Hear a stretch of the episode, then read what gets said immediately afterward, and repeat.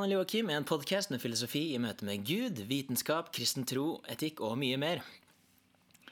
Mange har forsøkt å gi en fremstilling av det som er blitt oppfylt blant oss, slik vi har fått det overlevert av dem som helt fra først av var øyenvitner og tjenere for ordet.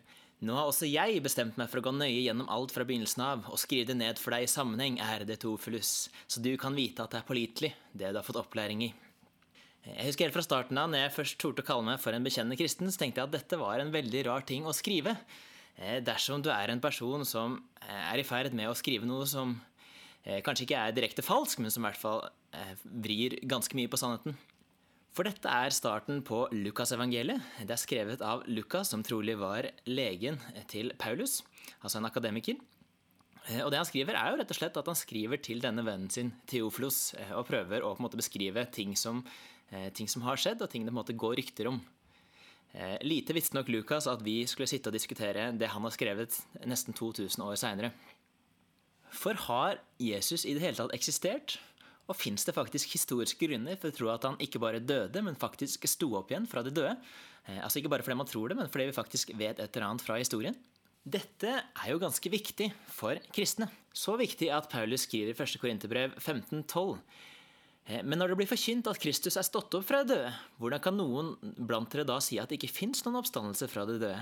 For hvis de døde ikke står opp, så er jo heller ikke Kristus stått opp. Men er ikke Kristus stått opp, da har vårt budskap tomt, og deres tro er også tom. Så hvis ikke Jesus faktisk har stått opp, så eksisterer det ingen kristendom som er verdt å ta vare på. Da blir alle kristne legge ned i morgen og gå over til å bli jøder eller agnostikere eller noe annet. Med oss i dag så har jeg fått en spennende ung gjest som heter Jon Romul Hoversen. Han leser og skriver en del om både evangelienes troverdighet, men også hvorvidt vi har grunner til å tro at Jesus faktisk sto opp, og reiste også rundt og holder mye foredrag om disse tingene her. Så jeg tror at han har en del interessante perspektiver å dele med oss. Som alltid, hvis du har kommentarer, tilbakemeldinger eller annet, så skriv til mail at danieljoakim.org. Ta kontakt på Facebook. Og gjerne gå inn på iTunes og legge igjen en rating og en review. Det vil også hjelpe andre til å finne denne podkasten her, altså mennesker som ikke visste at de var interessert i dette her allerede. Men nå skal vi prate med Jon Romul Hoversen.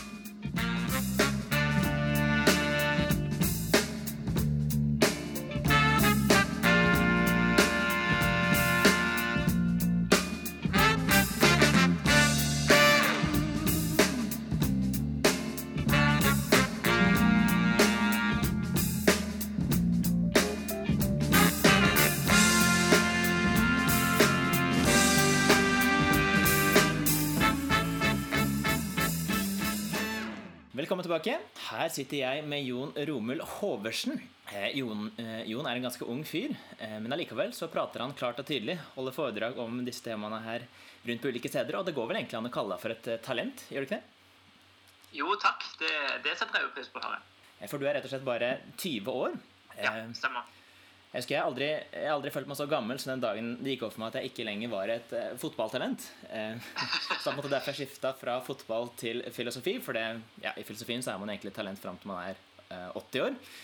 men du er ikke et fotballtalent, men du er et dommertalent. Stemmer det? Ja, de fleste drømmer jo om å på en måte bli fotballspillere. Mens jeg har den, den rare hobbyen, en av de rareste hobbyene som jeg tror finnes, nemlig å være fotballdommer det er, liksom, det er noe som har gått i familien da, gjennom flere generasjoner. Så, så jeg hadde liksom ikke så mye valg da når jeg ble ungdom sjøl. Men, men, jeg har fortsatt med det og syns det, synes det er moro. Tro det eller ei, syns det er moro. ja, den deilige jobben av at alle hater deg hvis noe går galt, og ingen legger merke til deg hvis alt går riktig. Det, det er helt riktig. Det, det, er en veldig utakknemlig jobb, det kan man si. Så litt om hvor du kommer fra, Jon. Kommer du fra en kristen familie? I utgangspunktet kommer jeg ikke fra en kristen familie. Ikke oppvokst i menighet, ikke gått noen søndagsskole. Det var liksom ikke et tema hjemme i, vår familie. Hadde heller ikke så mange kristne venner i, i min ungdomstid. Ikke før vi fikk en ny spiller på håndballaget som, som var kristen, og som jeg fikk veldig god kontakt med, og som etter hvert har invitert meg med i en menighet. og det skapte en slags nysgjerrighet i meg. Begynte å undersøke, og, og ble da til slutt kristen. Spennende. Det er jo en litt annerledes historie enn enn mange andre. Og ikke bare ble det det, du begynte å interessere deg ganske mye for å dukke ned i Bibelens troverdighet. Og om vi faktisk har grunner til å tenke at ikke, Jesus ikke bare eksisterte, men at han faktisk sto opp igjen. Hvor, hvor starta den interessen? Det starta egentlig ganske tidlig. Det starta egentlig allerede med min første møte i, i menigheten. Uh, jeg har alltid vært litt mer hodetype enn hjertetype. Uh, jeg var ikke den som ble lest historier om av på, på sengekanten. Jeg fikk mattestykker. så jeg hadde nok vært litt mer sånn type da, og var veldig avhengig, eller var veldig opptatt av at, at jeg kan ikke tro på hva som helst, men jeg er nødt til å tro på det som er troverdig. og det var nok det som satte i gang da, Eh, den nysgjerrigheten og, og, som gjorde at jeg begynte å undersøke og fant gode svar da, når jeg mm. spurte. Hva, hva kom først? Kom, kom, troen din, eller kom denne ønsket om å undersøke? Eh, troa kom nok først. Eh, men det tok ikke lang tid før jeg begynte å tenke over eh, F.eks. at jeg har mange muslimske venner. Har jeg noe som kan liksom skille meg fra de da? Har jeg noe som kan gi min tro mer tyngde enn det mine muslimske venner tror på? da? Eh, så, så troa kom nok først, men, men, ganske kjapt etterpå så kom disse type refleksjonene. da. Hmm. Men uh, du sier at du begynte å tro først. Var du, ikke, var du, ikke, redd for at dette bare var en fantasi? At Bibelen var funnet på at uh, det kanskje ikke hadde fantes en person som het Jesus engang? Akkurat da så tenkte jeg ikke på, på det med en gang. Uh, det gjorde jeg ikke. jeg ble lagt i en kjempegod, fin vennegjeng som virkelig interesserte seg i meg, og som brydde seg om meg, og som inkluderte meg på en kjempefin måte. Og det var liksom det som starta det. Eh, samtidig som at jeg nok absolutt ikke hadde vært kristen i dag om jeg ikke hadde funnet de gode svarene. Om at jeg ikke hadde funnet de gode grunnene for å tro. da. Mm. Eh, og nå så reiser du rundt og holder en del foredrag om hva, hva du fant ut. Eh, og jeg ser også at i disse dager så virker som du er en del på ulike skepsisuker. Hva, hva er det for noe? Ja, eh, det er faktisk det jeg gjør mest. da. Det er disse skepsisukene Eh, jeg jobber med å arrangere ulike skepsisuker rundt om på universiteter og videregående skoler i landet. Og Det er enkelt og greit uker hvor vi ønsker å eh, utforske de store spørsmålene sammen. Eh, og finne ut okay, hva som er sant da, sammen. Så vi prater om, om de store spørsmålene, setter de på agendaene på ulike universiteter og videregående skoler. Med foredrag, med debatter, med Grillen kristen, med samtaler, med bibelstudier osv. Mm. Så uh, veldig spennende. Veldig veldig kult opplegg. Det er mange folk som kommer. Uh, bestemor sier at uh, ungdommer bryr seg bare om seg sjøl og sosiale medier. Det stemmer, det stemmer ikke. ungdommer bryr seg fremdeles om de store spørsmålene, og det engasjerer veldig mye folk. Så det er veldig, veldig kult. Ja, skjønner. Så det blir dårlig stemning på, i familieselskapene hver gang du begynner å prate om det? ja, nei da. Det, det går greit. Så bra. Det, det, er interessant å høre om. Men eh, grunnen til at jeg ønsket å prate om det, er at nå er vi jo midt mellom julen og påska. Uh, og det du merker til, er at i, i, massemediene, både i norske og internasjonale, så er det noen sånne faste påstander som kommer opp hver eneste jul og påske. Liksom. Nesten som en slags sånn naturlov som du bare kan, uh, som du bare kan plugge inn. Og det er, en eller annen, det er en eller annen fyr som har funnet ut der ute at antageligvis, sannsynligvis, eh, så har ikke Jesus engang eksistert. Og det ville vært katastrofe for Eh, alle disse milliardene av kristne som går inn på kroden. Eh, så det er en stor nyhet, men dessverre så må vi bare si det. Eh, hva tenker du når du ser en sånn kronikk? Det er liksom ikke aldri ordentlig jul uten, da.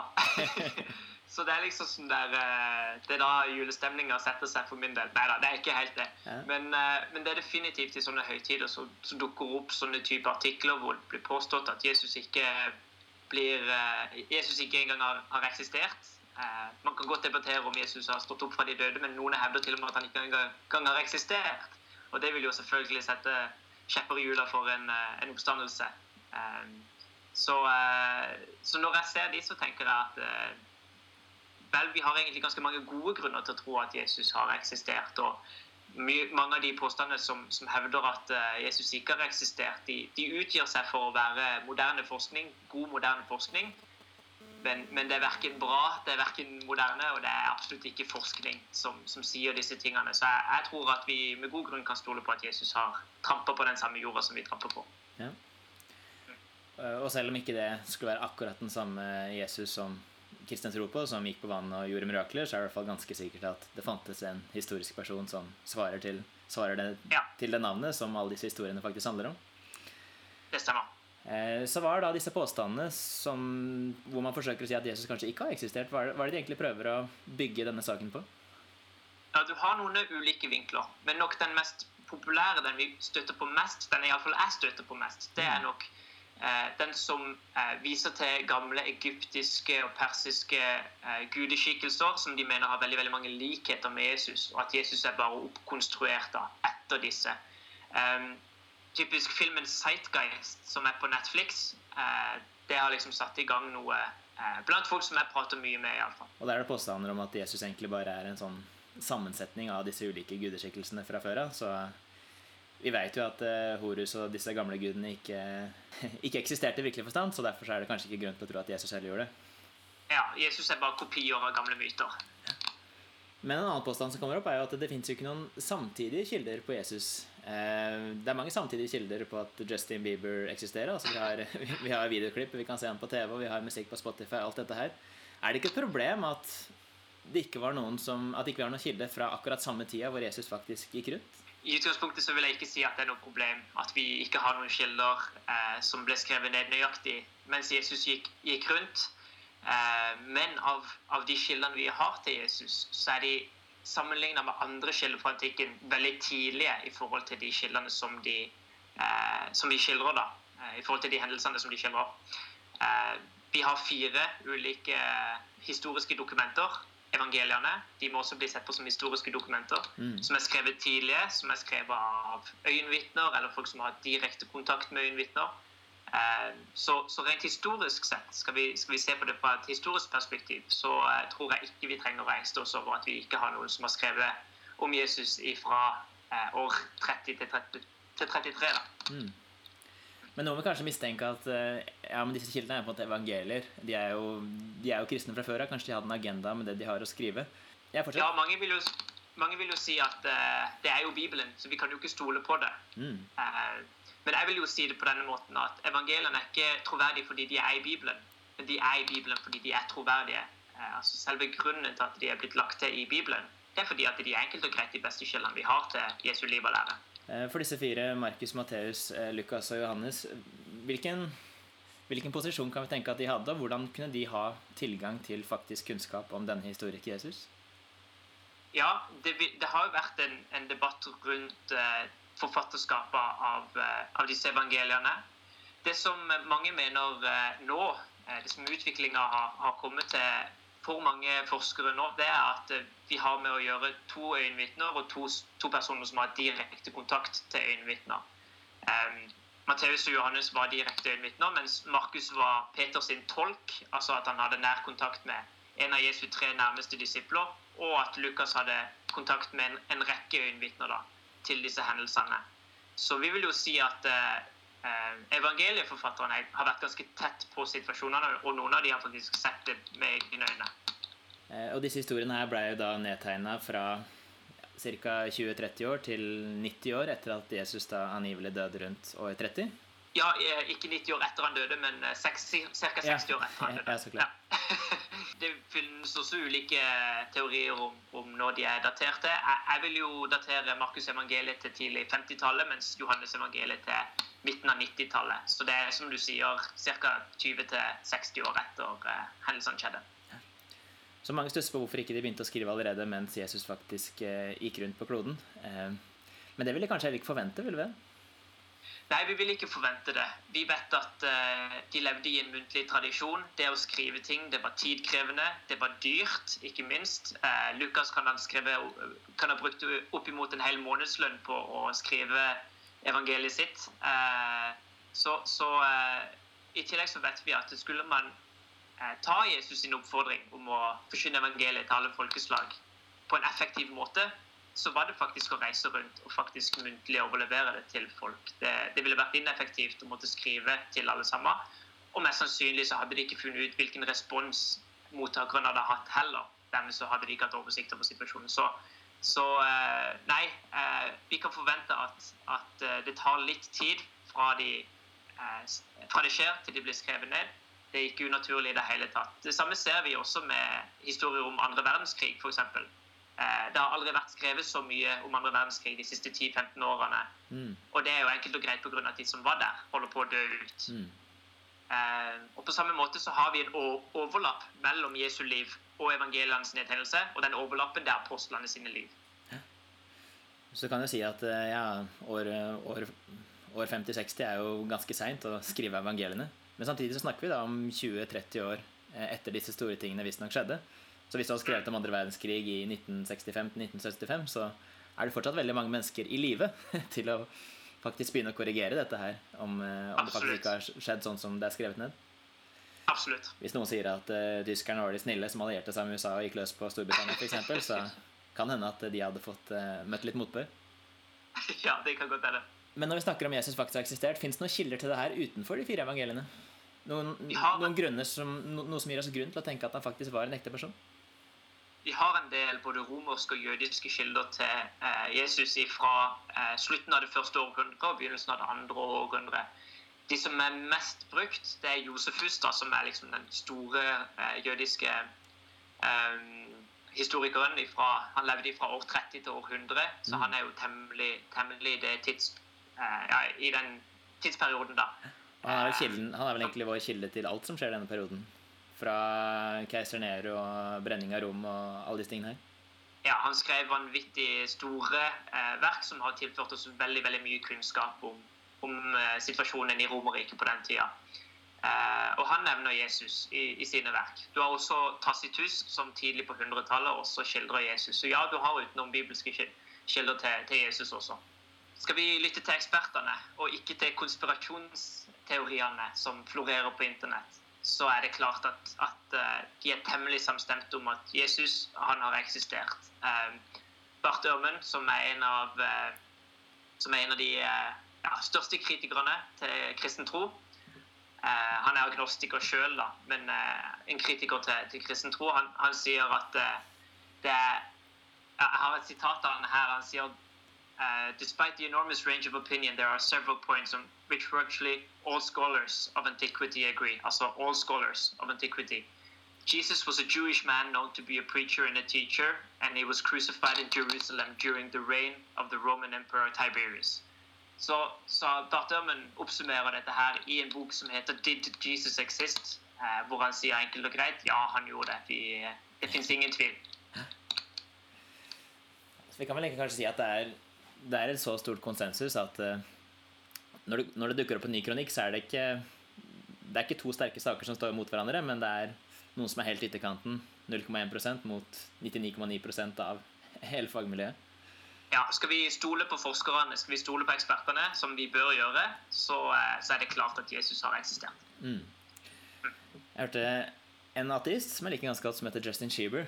Uh, han sa det en gang at hvis du ikke kan så mye om et felt, så bør du, bør du i hvert fall forholde deg til, eh, til fagekspertene i det feltet. Altså, mm. Det trenger ikke alltid være sånn. Noen ganger så er det på en måte disse marginalteoriene som er riktig. Men i hvert fall da, hvis mm. ikke du er, ikke du er en veldig god historiker og, og, har stålkontroll på alle disse tingene her, så er det i hvert fall gode grunner til å tenke at du burde forholde deg til det som historikere flest eh, sier. Ja, og uh, her har vi all bevismateriale som gjenspeiler også hva historikerne mener om dette her. og Eh, det er ikke sånn at de ubegrunna hevder at Jesus har eksistert. Det har vi jo veldig veldig mange gode grunner til. Hvordan ser kildene til Jesus på, på, andre personer? Altså, det er jo sjelden folk begynner å sette store tvil på om Julius Cæsar eller keiser Nero eller Hannibal eller Alexander den store faktisk har eksistert. Hvordan er kildene våre til Jesus sammenligna med han? Sammenligna med andre personer så er de tidligere de er flere. De har bedre manuskript, uh, manuskriptkopier. Altså de har flere manuskriptkopier og bedre manuskriptkopier. Uh, så sammenlignet med andre historiske personer, så vil man jo si at de historiske skillene rundt Jesus er, står sterkere enn f.eks. med Alexander den store. Jeg, har ikke detaljene i hodet akkurat nå, men jeg, jeg mener at det tar fort 300-400 år før, før Alexander den store blir, blir skildra av, av, historikere. Eh, han har jo to historikere som skriver roman. Eh, men der tar det enda lengre tid mellom hendelsene faktisk skjer, og, og tingene blir nedtegna. Så sammenligna med andre folk antikken, i antikken, så, så, kan vi virkelig stole på, eh, på at Jesus har eksistert. Altså, vi, vi, har jo ikke de opprinnelige tekstene som da angivelig ble skrevet av Markus eller Lukas, men altså disse antall kildene vi har Jeg likte godt den der analogien du brukte om kakeoppskrift. ja, stemmer. Eh, ja, kan ikke du bare kjapt fortelle den? Ja, eh, det er sånn som du sier, at vi har ikke originalmanuskriptene til evangeliene. Og jeg kan huske når jeg først, når jeg først eh, hørte det, så tenkte jeg shit, liksom. Eh, det er jo et sinnssykt stort problem. Men så fant jeg rett etterpå ut at eh, vi har faktisk ikke originalmanuskriptene til noe som helst i, fra antikken. Så det går egentlig veldig fint. Men det vi har, det er en rekke eh, kopier av disse manuskriptene. Vi har faktisk en del tusen av de også. Om du skal ta det på ulike språk, da, ikke bare gresk, som er språket som evangeliene er skrevet på. Tar du bare gresk, så har vi 5400 ca. Tar du med asyrisk, koptisk osv., så, og så, videre, så har vi opp mot 27 000 eh, kopier da, av disse kildene. Som gjør at vi enkelt kan navigere oss fram til hva som sto i eh, originalmanuskriptene. Mm. Og det er litt som, sånn som en kakeoppskrift. Eh, har du en, en kakeoppskrift som du syns er utrolig digg, eh, og som du ønsker at alle vennene dine skal få vite om fordi at de er nødt til å smake på denne kaka, eh, så kan du så har du da skrevet det ned på et ark, oppskrifter på denne her, og så sender du det til 50 av dine venner. Og de vennene de elsker det, så de sender det videre til 100 av sine venner. Eh, og sånn utvikler det seg helt til man når opp til, til 27 000. Eh, om du da mister din oppskrift, så kan du på vegne av dine 27 000 venner komme fram til den første kakeoppskrifta. Du vil komme fram til samme kaka da, mm. eh, basert på, på de. Og Det samme det gjelder evangeliene. Basert på de kopiene vi har, så kan man komme nokså eh, ja, nok så, så bra eh, fram til, til eh, originalene. Faktisk så er det av de 138 000 greske ordene i Det nye testamentet, så er forskerne i tvil bare på 1400-1500 av dem. Altså under 1 prosent mm. eh, er de i tvil om. Um, og, og, de tingene som de er i tvil om, de vet vi også om. Det er ikke sånn at de blir skjult for oss, men, men vi vet hvor de står hen. Eh, og det er heller ingen sånn totalavgjørende forskjeller heller. Det er ikke sånn at et manuskript sier at Jesus sto opp fra de døde, og et annet står å nei, Jesus sto ikke opp fra de døde likevel. Eh, det er liksom ingenting avgjørende for kristen doktrine da, nei. Eh, i disse forskjellene. Så, så, de står seg veldig, veldig bra sånn sett. Så kanskje litt mer på ordlyd og grammatikk og tegnsetting og den type ting? Istedenfor at det står Jesus Kristus, så står det Kristus Jesus, f.eks. Ja, det er jo en ganske radikal uh, forskjell, som så tvil om alt som har med kristen tro å gjøre.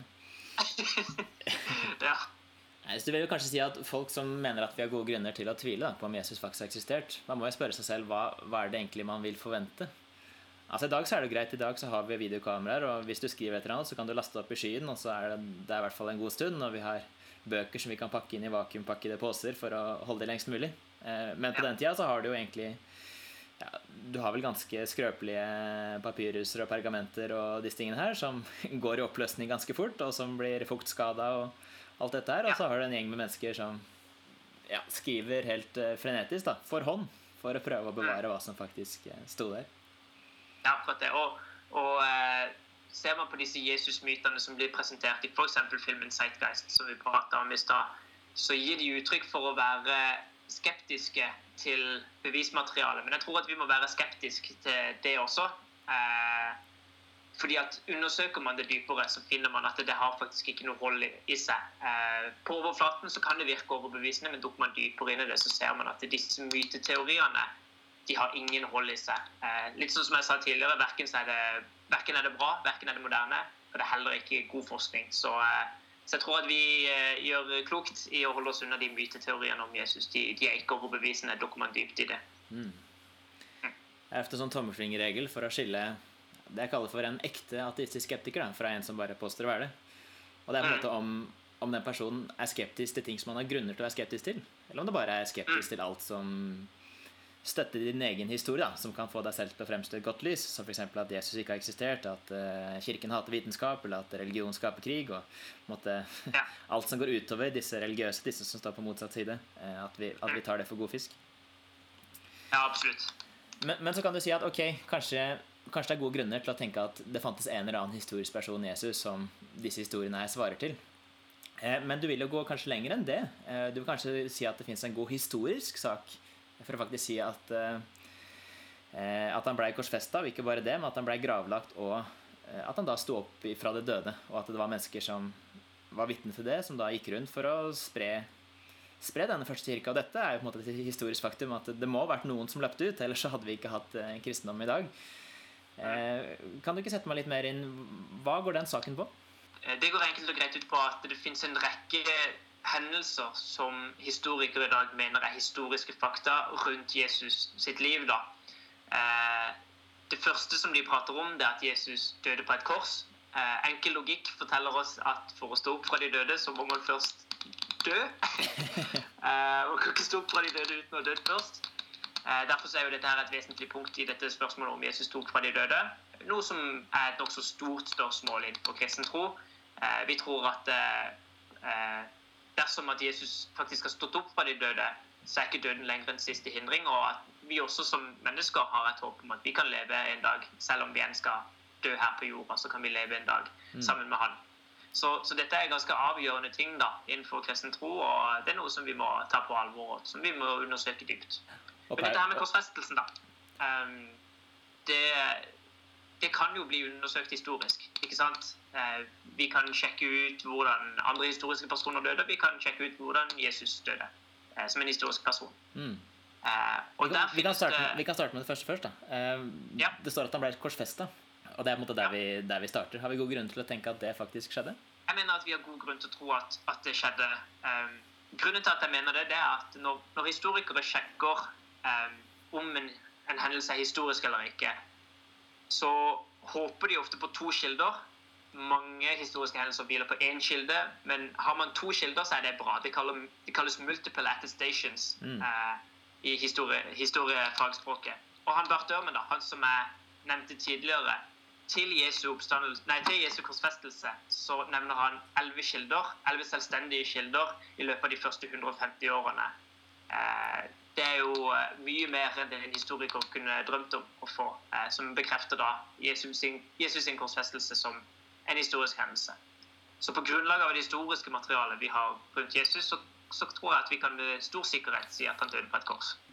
Du kan se for deg at Hvis det var fire evangelister som satte sammen for å skrive en eller annen historie fordi de ønsket å lure folk, eller sånt, så ønsker du på en måte å skrive en historie som, som ser best mulig. En, en eller annen historie som kan som eh, samsvarer med folks forventninger, eller som kan gi deg selv et eller annet.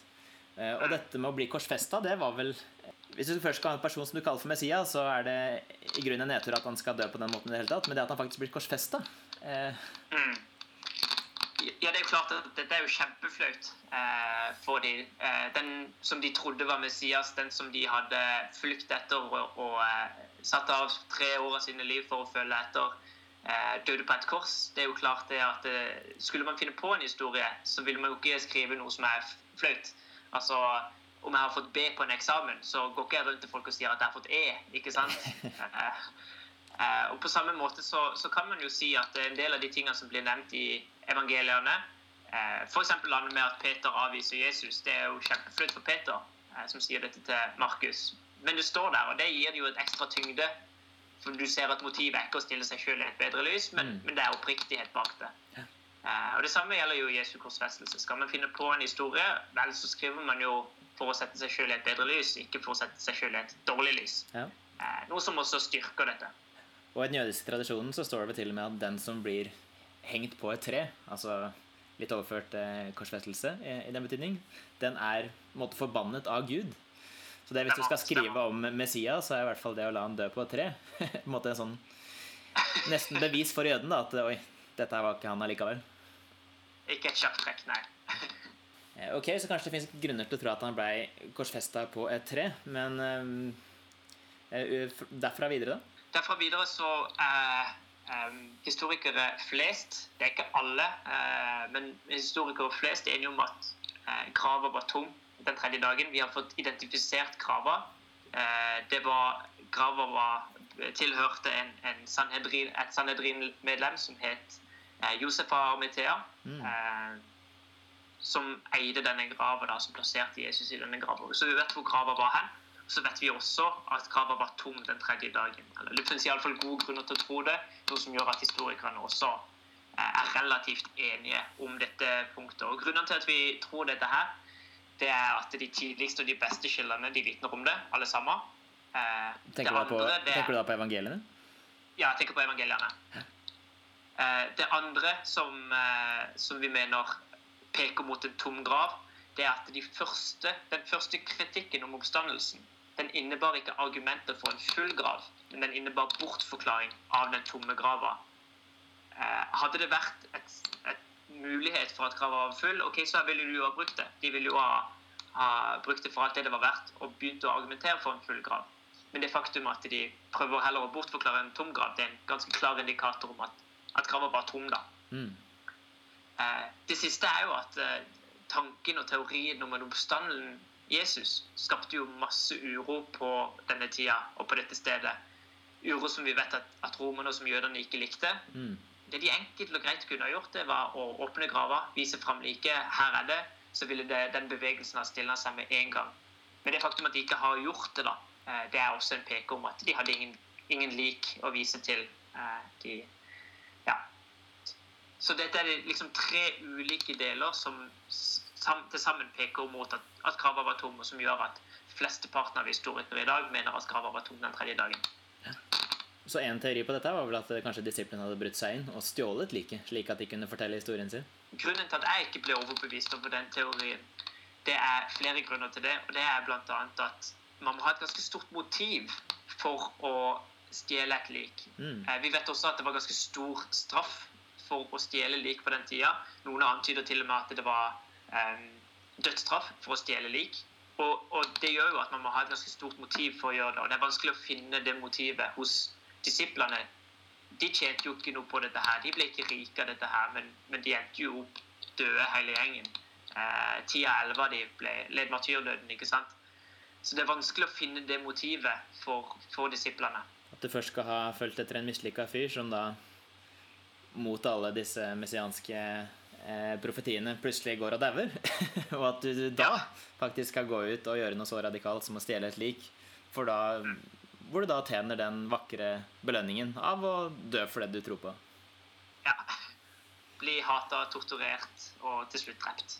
Men, vi, men det finnes også flere typer ting som historikere eh, stort sett er enige om av hva som skjedde da etter Jesu død. For det er jo det som er interessant nå. Hva skjedde etter Jesus ble hengt på et kors, og etter han ble, ble satt i grava? Bortsett fra at grava var tom. Og det, det mange også sier, og som mange også er enige om, uavhengig av hvilket livssyn de er, om de er kristne, agnostikere eller ateister, det er at uh, vitner mente at de så Jesus etter hans død. Eh, alle evangeliene, de tidligste beste kildene til Jesus, de forteller historier om folk som spiste med Jesus, prata med Jesus, vandra med Jesus. eh, på ulike steder over lengre tid. da. Og så har vi også første, første Korinterbrev 15, som er et eh, brev som eh, Paulus skrev til korinterne. Som skriver også noe veldig interessant om hva som skjedde da etter at Jesus sto fra de døde. Eh, Og Der skriver han først og fremst overga jeg til dere det jeg selv har tatt imot. At Kristus døde for våre synder etter skriftene. Der har du korsfestelsen. At han ble begravet. At han sto opp igjen den tredje dagen etter skriftene. At han viste seg for Kefas, det er Peter. Og deretter for de tolv. Og deretter viste han seg for over 500 søsken på en gang. Av dem lever de fleste, fleste enda, men noen er sovnet inn. Og deretter viste han seg for Jakob og for alle apostlene. Aller sist viste han seg for meg. Mm. Så her skriver Paulus da til korinterne at uh, Jesus har vist seg for først disiplene, apostlene, Peter, og så for over 500 søsken på en gang. Og så sier han også at uh, de fleste de lever enda. Med andre ord, det er mulig å sikkerhetssjekke dette her. Det er, det er mulig å finne ut om det sier er tull og tøys, eller om det faktisk stemmer. Uh, av at mange av de som opplevde Jesus etter hans død, lever i, dag. Eh, når han skrev dette brevet, da. Ja. Og Paulus var enda en av disse som gikk fra en ganske trygg og fin tilværelse, og som var jo en han var jo en jødisk lærd som eh, nøt høy status, og plutselig så blir han med denne kristne sekten. Og til og med ender opp, ender opp da i fengsel og en ganske lite komfortabel tilværelse. Så man skulle jo tro at hvis Paulus selv visste at han bare drev og skrønte, eller i hvert fall at det var dårlig kilde på det her, så ville han i hvert fall kanskje sagt et eller annet mens han var i fengsel, eller mens han eh, Ja, absolutt. Det, det er vanskelig å finne eh, et sånn type motiv hos Paulus også, som, som levde et eh, liv som, eh, som eh, eh, Ja, som, som var han- Han hadde alt på stell, da, kan vi si det på den måten. Mm. Eh, og plutselig oppga alt det for å følge etter Jesus. Det, eh, det gir ikke mening med mindre det han har sett, er autentisk, da. Og det leder jo oss jo på, på det siste punktet som mange historikere er enige om, og det er måten kristendommen spredde seg eh, på. på eh, fra den første tida. Altså vi ser at, at vanlige folk eh, var nå villige til å gå i døden, bli torturert og bli utstøtt og hata fordi de hadde sett med, med sine egne øyne. Eh, sånn som vi sa i stad, at, at ti, av disiplene eh, gikk i døden fordi de hadde sett. mm. Og, og det gir kanskje mening å dø for noe som en tror er sant, men det gir ikke mening å dø for noe som en vet er en løgn. Altså, altså Disiplene var der. De hadde jo visst om det hadde vært en løgn. Og, og det er vanskelig å se for seg at noen lar seg drepe for noe de vet er en løgn. Eh, Men kan de rett og slett ha lidd av vrangforestillinger? At de, de selv trodde på det de pratet om? ja, det finnes noen som hevder at eh, de, de bare hallusinerte når de opplevde å se Jesus. Og så stemmer det at eh, når man mister noen, så vil det kunne oppstå eh, hendelser hvor man føler at man ser de eller hører de som man savner. Det, det er et vanlig fenomen. Men over 500 på en gang, over lengre tid Altså, hallusinasjon det er en, en, det er en individuell greie. Det, det fins ikke noe som heter gruppehallusinasjon. Eh, så, så for min del så er ikke det en overbevisende innvending mot, mot oppstandelsen at de hallusinerte for. For det er rett og slett ikke sannsynlig å tenke at over 500 stykk hallusinerer samtidig. da, Mm. Over lengre tid. Eh, Men nå har vi stort sett bare vært innom evangeliene, såkalte kristne kilder. Eh, Fins det noen av disse faktaene her som kan backes opp av eh, kilder som ikke har noen motivasjon selv, da, som ikke var kristne selv? Eh, ja, det siste vil du få bekrefta fra andre kilder. Eh, du vil eh, finne det hos Josefus og Tacitus at kristne lovpriste Jesus som Gud eller som en demigud. Så det siste vil du få, at det var en oppriktig lovprisning av, av Jesus. Det vil du finne også i de andre historiske kildene. Så du kan si at det er ikke bare Bibelen som skriver det her, men også i tillegg ekstra kilder. Altså, På sett og vis skulle du kanskje forvente at bibelske kilder hadde vært nok. Altså, Jeg møter ofte personer som sier på en måte at hele Bibelen er fiksjon. Og hvis du tenker litt kritisk over det, at eh, en, en samling av bøker som er skrevet av i hvert fall et titalls medforfattere over en, over en periode på over 1000 år, at de på en måte nesten skulle ha satt seg sammen og laget en slags konspirasjon. Eh, altså da finner vi på et eventyr, for det ja, gudene vet hvorfor. Måte, hvordan, hvordan man kan fortsette å faktisk tro på det dersom man ikke og bare, det at vi, Ja, og bare det at vi har fire evangelister, eh, i tillegg til mange mennesker som løper rundt og skriver brev, og alle disse tingene her, at de på en måte skal nærmest ha satt seg sammen og planlagt og, og skrevet en slags Jo Nesbø-roman, hvor ikke i hvert fall noe av det altså Selv om du ikke tror at Jesus gikk på vannet, gikk på vannet men at ikke noe av det som står der, på en måte skal stemme overens. Eh, jeg lurer ofte på hvordan mennesker som kaller seg selv for kritiske, faktisk virkelig kan tro på noe sånt. Dersom, for du trenger egentlig ikke å tenke over det mer enn to sekunder før du skjønner hvor absurd det faktisk er. Nei, da bør man bli mer kritisk til egen eh, kritikk. Eh, Men så er det jo dette med detaljer i evangeliene også. Eh, Jeg vet selv at hvis jeg skulle ha fortalt en eller annen skrøne, så ville jeg prøvd å ha med færrest mulig detaljer. For det detaljer er jo ting som du blir tatt på. ikke sant? Hvis jeg sier at den veggen var rød, og den viser seg å være blå, så begynner det å så tvil på hele historien min. Mm. Men det fins også mange detaljer i evangeliene, og du mener at det er et eh, ganske godt argument, gjør du ikke? Eh, jo, jeg tror det er en stor styrke at eh, vi først og fremst har fire evangelier. Det gjør at man kan sammenligne dem med hverandre. Eh, men jeg syns også at det er en stor styrke at evangeliene i det hele tatt nevner detaljer. altså De, nevner skikker, keisere, byer, eh, altså stedsnavn, eh, menneskenavn eh, ja, faktisk hvilke type trær som var på de forskjellige stedene. Eh, ikke sant? De går veldig i detalj, da. Eh, og det mener jeg er en stor styrke. For se for deg at du skal skrive eh, noe du fabrikkerer, bare noe du finner på, noe som ikke er sant i det hele tatt. Da unngår du jo å skrive detaljer i frykt om å bli eh, altså tatt for det, tatt på Mm. fersken. Eh, om du skal skrive om noe som skjedde i Tsjekkia på 70-tallet, eh, så hadde ikke du skrevet navn eller byer eller hvilke skikker de hadde rundt middagsbordet eller sånt. Da, da hadde du blitt herska. Eh, da hadde du blitt avslørt. Eh, så, så det at evangeliene i seg sjøl tar for seg så mange utrolige eh, små detaljer, det, det er i seg sjøl en, en styrke. Sammenligner man det med de gnostiske evangeliene, så de senere evangeliene som vi vet ikke er fra disipler, Mm. Så ser vi at de nevner aldri detaljer. Eh, kanskje de nevner Jerusalem en gang. Men det er jo liksom Det er jo noe som alle vet, eh, vet hvor er hen. Mm. Men du finner det nærmest blotta for, eh, for eh, navn, for skikker, eh, for keisere, også myntenhet osv. Så du finner ikke sånne detaljer da i, i de senere gnostiske evangeliene. Mm. Så jeg ser jo på det som en stor styrke. Spesielt også når man kan undersøke de eh, ulike historiene som blir skildra i de fire evangeliene og sette de opp mot hverandre. Da kan man finne at detaljene de, de stemmer nokså godt overens med hverandre. Mm. Og det spennende med disse detaljene er at iblant så skjer det noen slags eh, Du kan sammenligne de ulike evangeliene, og så blir det noe såkalt sånne lucky coincidences. Har du noen eksempler på hvordan dette kan se ut?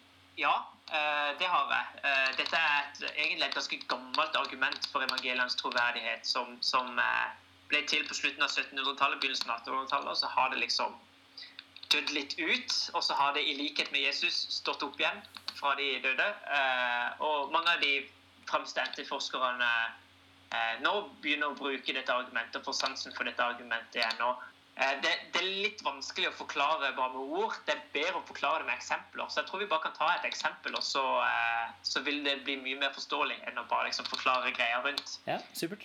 Og, og, en av de historiene som vi finner i Eh, alle evangeliene, det er når Jesus møter 5000. Og Der har du en del sånn små, interessante detaljer som blir nevnt. Og så På samme måte som, som puslespill en, uh, puslebiter i en puslespill, så kan du ta de små um, detaljene, sammenligne det med de andre evangeliene, så vil det tegne liksom et helt bilde av hva som faktisk utspilte seg når Jesus møtte de 5000. Um, for eksempel, da. Jesus, Jesus, sier til Philip i uh, Johannes kapittel 6 så, uh, så, sier han til Philip hvor skal vi kjøpe brød. Og Det er jo liksom en detalj som man altså man legger jo ikke veldig mye merke til det. Det er ikke det du streker rundt i Bibelen din og tar sånn highlights uh, over. Mm. det er enkelt og greit en liten detalj. men faktisk så er det egentlig ganske unaturlig at Jesus skulle stå nettopp Philip. dette er faktisk den eneste gangen gjennom alle evangeliene at Jesus direkte henvender seg til Philip. Eh, det ville vært mye mer naturlig at han hadde henvendt seg til Peter, som var liksom klippen, eller Judas, som hadde kontroll på pengene. Mm. Men han gjorde ikke det. Han, han, henvendte seg til Philip. Ikke en sånn vanvittig stor detalj, men, men, en liten detalj som man kan legge merke til. I Lukas sin uh, versjon av denne historien så står det at han tok dem med til en by som het Bedsaida. Da vet vi hvor brødunderet skjedde. Det skjedde i en by som het Bedsaida. så kan du gå helt til begynnelsen av Johannes-evangeliet, i Johannes 1, hvor det står at Philip var ifra Bedsaida. Så Det gir da mening da at Jesus spør nettopp Philip, som Johannes 6 forteller oss. Fordi at han var ifra Betzaida, eh, som Johannes 1 forteller oss, og at hendelsen skjedde nettopp i, i Betzaida, som Lukas forteller oss. Så Philip ville vært den som hadde visst hvor man kunne kjøpe brød, pga. Mm. at han var ifra der det skjedde. Så her har du ulike deler av informasjon fra ulike skriftsteder eh, som forklarer hverandre, som utfyller hverandre, og som bekrefter hverandre. Dette er en av flere sånne type eksempler fra samme historier. Eh, du, du, har også et i, fra Markus sin versjon av det.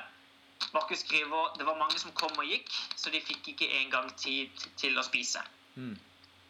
Eh, så Markus bemerker en ny liten detalj. Det var, det var mye folk til stede. Enkelt og greit.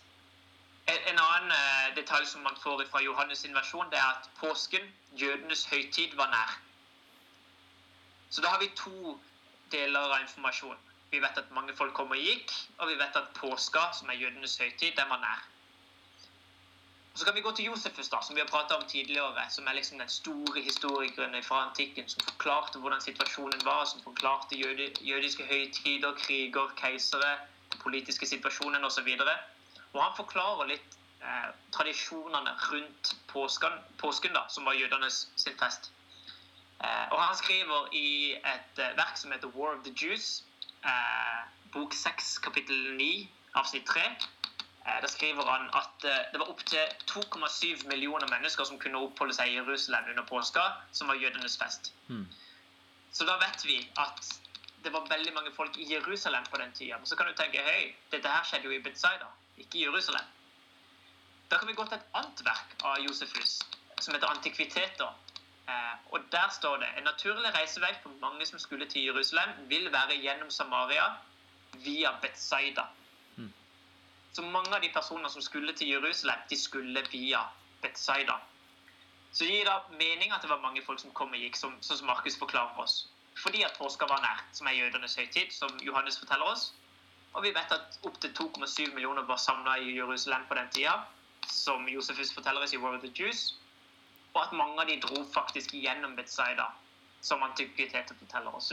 Så det gir mening, da. Du kan ta disse delene av informasjonen, sette de sammen, og det tegner et helhetsbilde av hva som faktisk utspilte seg.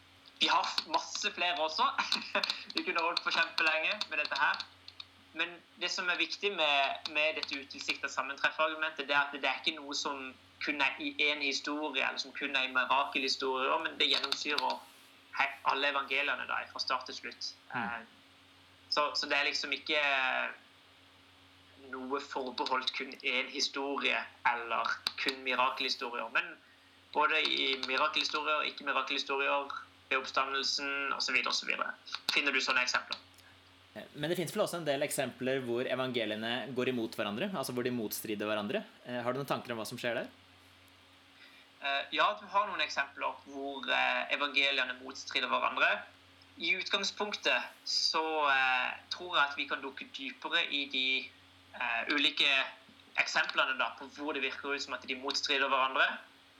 Og så vil du nok legge merke til at mange av de historiene lar seg forklare. Nå sier jeg ikke alle, men jeg sier mange av de historiene vil la seg forklare. Mm. F.eks. For hvor mange kvinner var det ved grava? Eh, Johannes evangeliet nevner bare én, mens eh, Markus evangeliet nevner flere. Vel, når eh, Maria kommer tilbake til disiplene, så sier hun eh, i, eh, i, Johannes 21 så sier hun de har tatt vår Herre Jesus, og vi vet ikke hvor de har lagt ham. Så du kan finne noen tegn da, mm. som, som, faktisk eh, kan forklare så er det noen av de som er vanskeligere å forklare. F.eks. For eh, eh, hvordan Judas døde.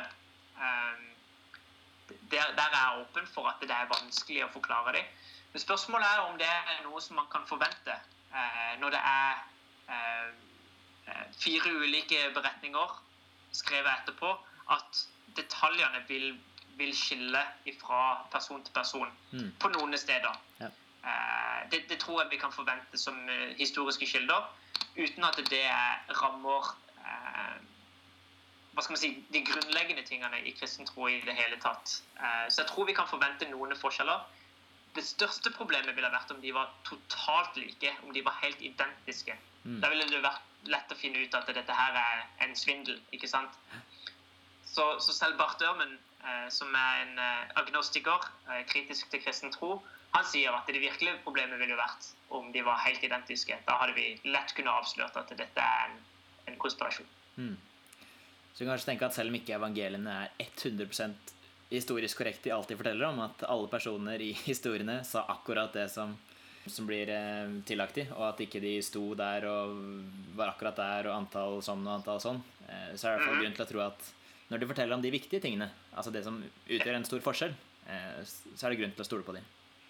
På samme måte som hvis jeg og deg skulle fortalt om en hendelse vi var sammen på for tre måneder siden, så hadde vi jo sikkert gitt litt ulike detaljer, men måte, de store, viktige detaljene hadde vi antageligvis eh, vært ganske enige om. Ja. Du har jo sikkert lest, eh, lest mye mer enn en meg om dette her. Kan jeg spørre deg helt til slutt, hva, hva tenker du er de beste argumentene mot at Jesus faktisk sto opp? Det fins en rekke argument mot at Jesus sto opp fra grava. Og jeg tror at et vesentlig punkt her, det er jo at konteksten vi, vi tror oppstandelsen er. For vi vet at eh, om ikke det fins en gud, om dette her er et lukka univers, et lukka system, mm. så er det jo sånn at døde folk forblir døde. Det er jo ikke sånn at folk magisk oppstår eh, uforårsaka fra de døde.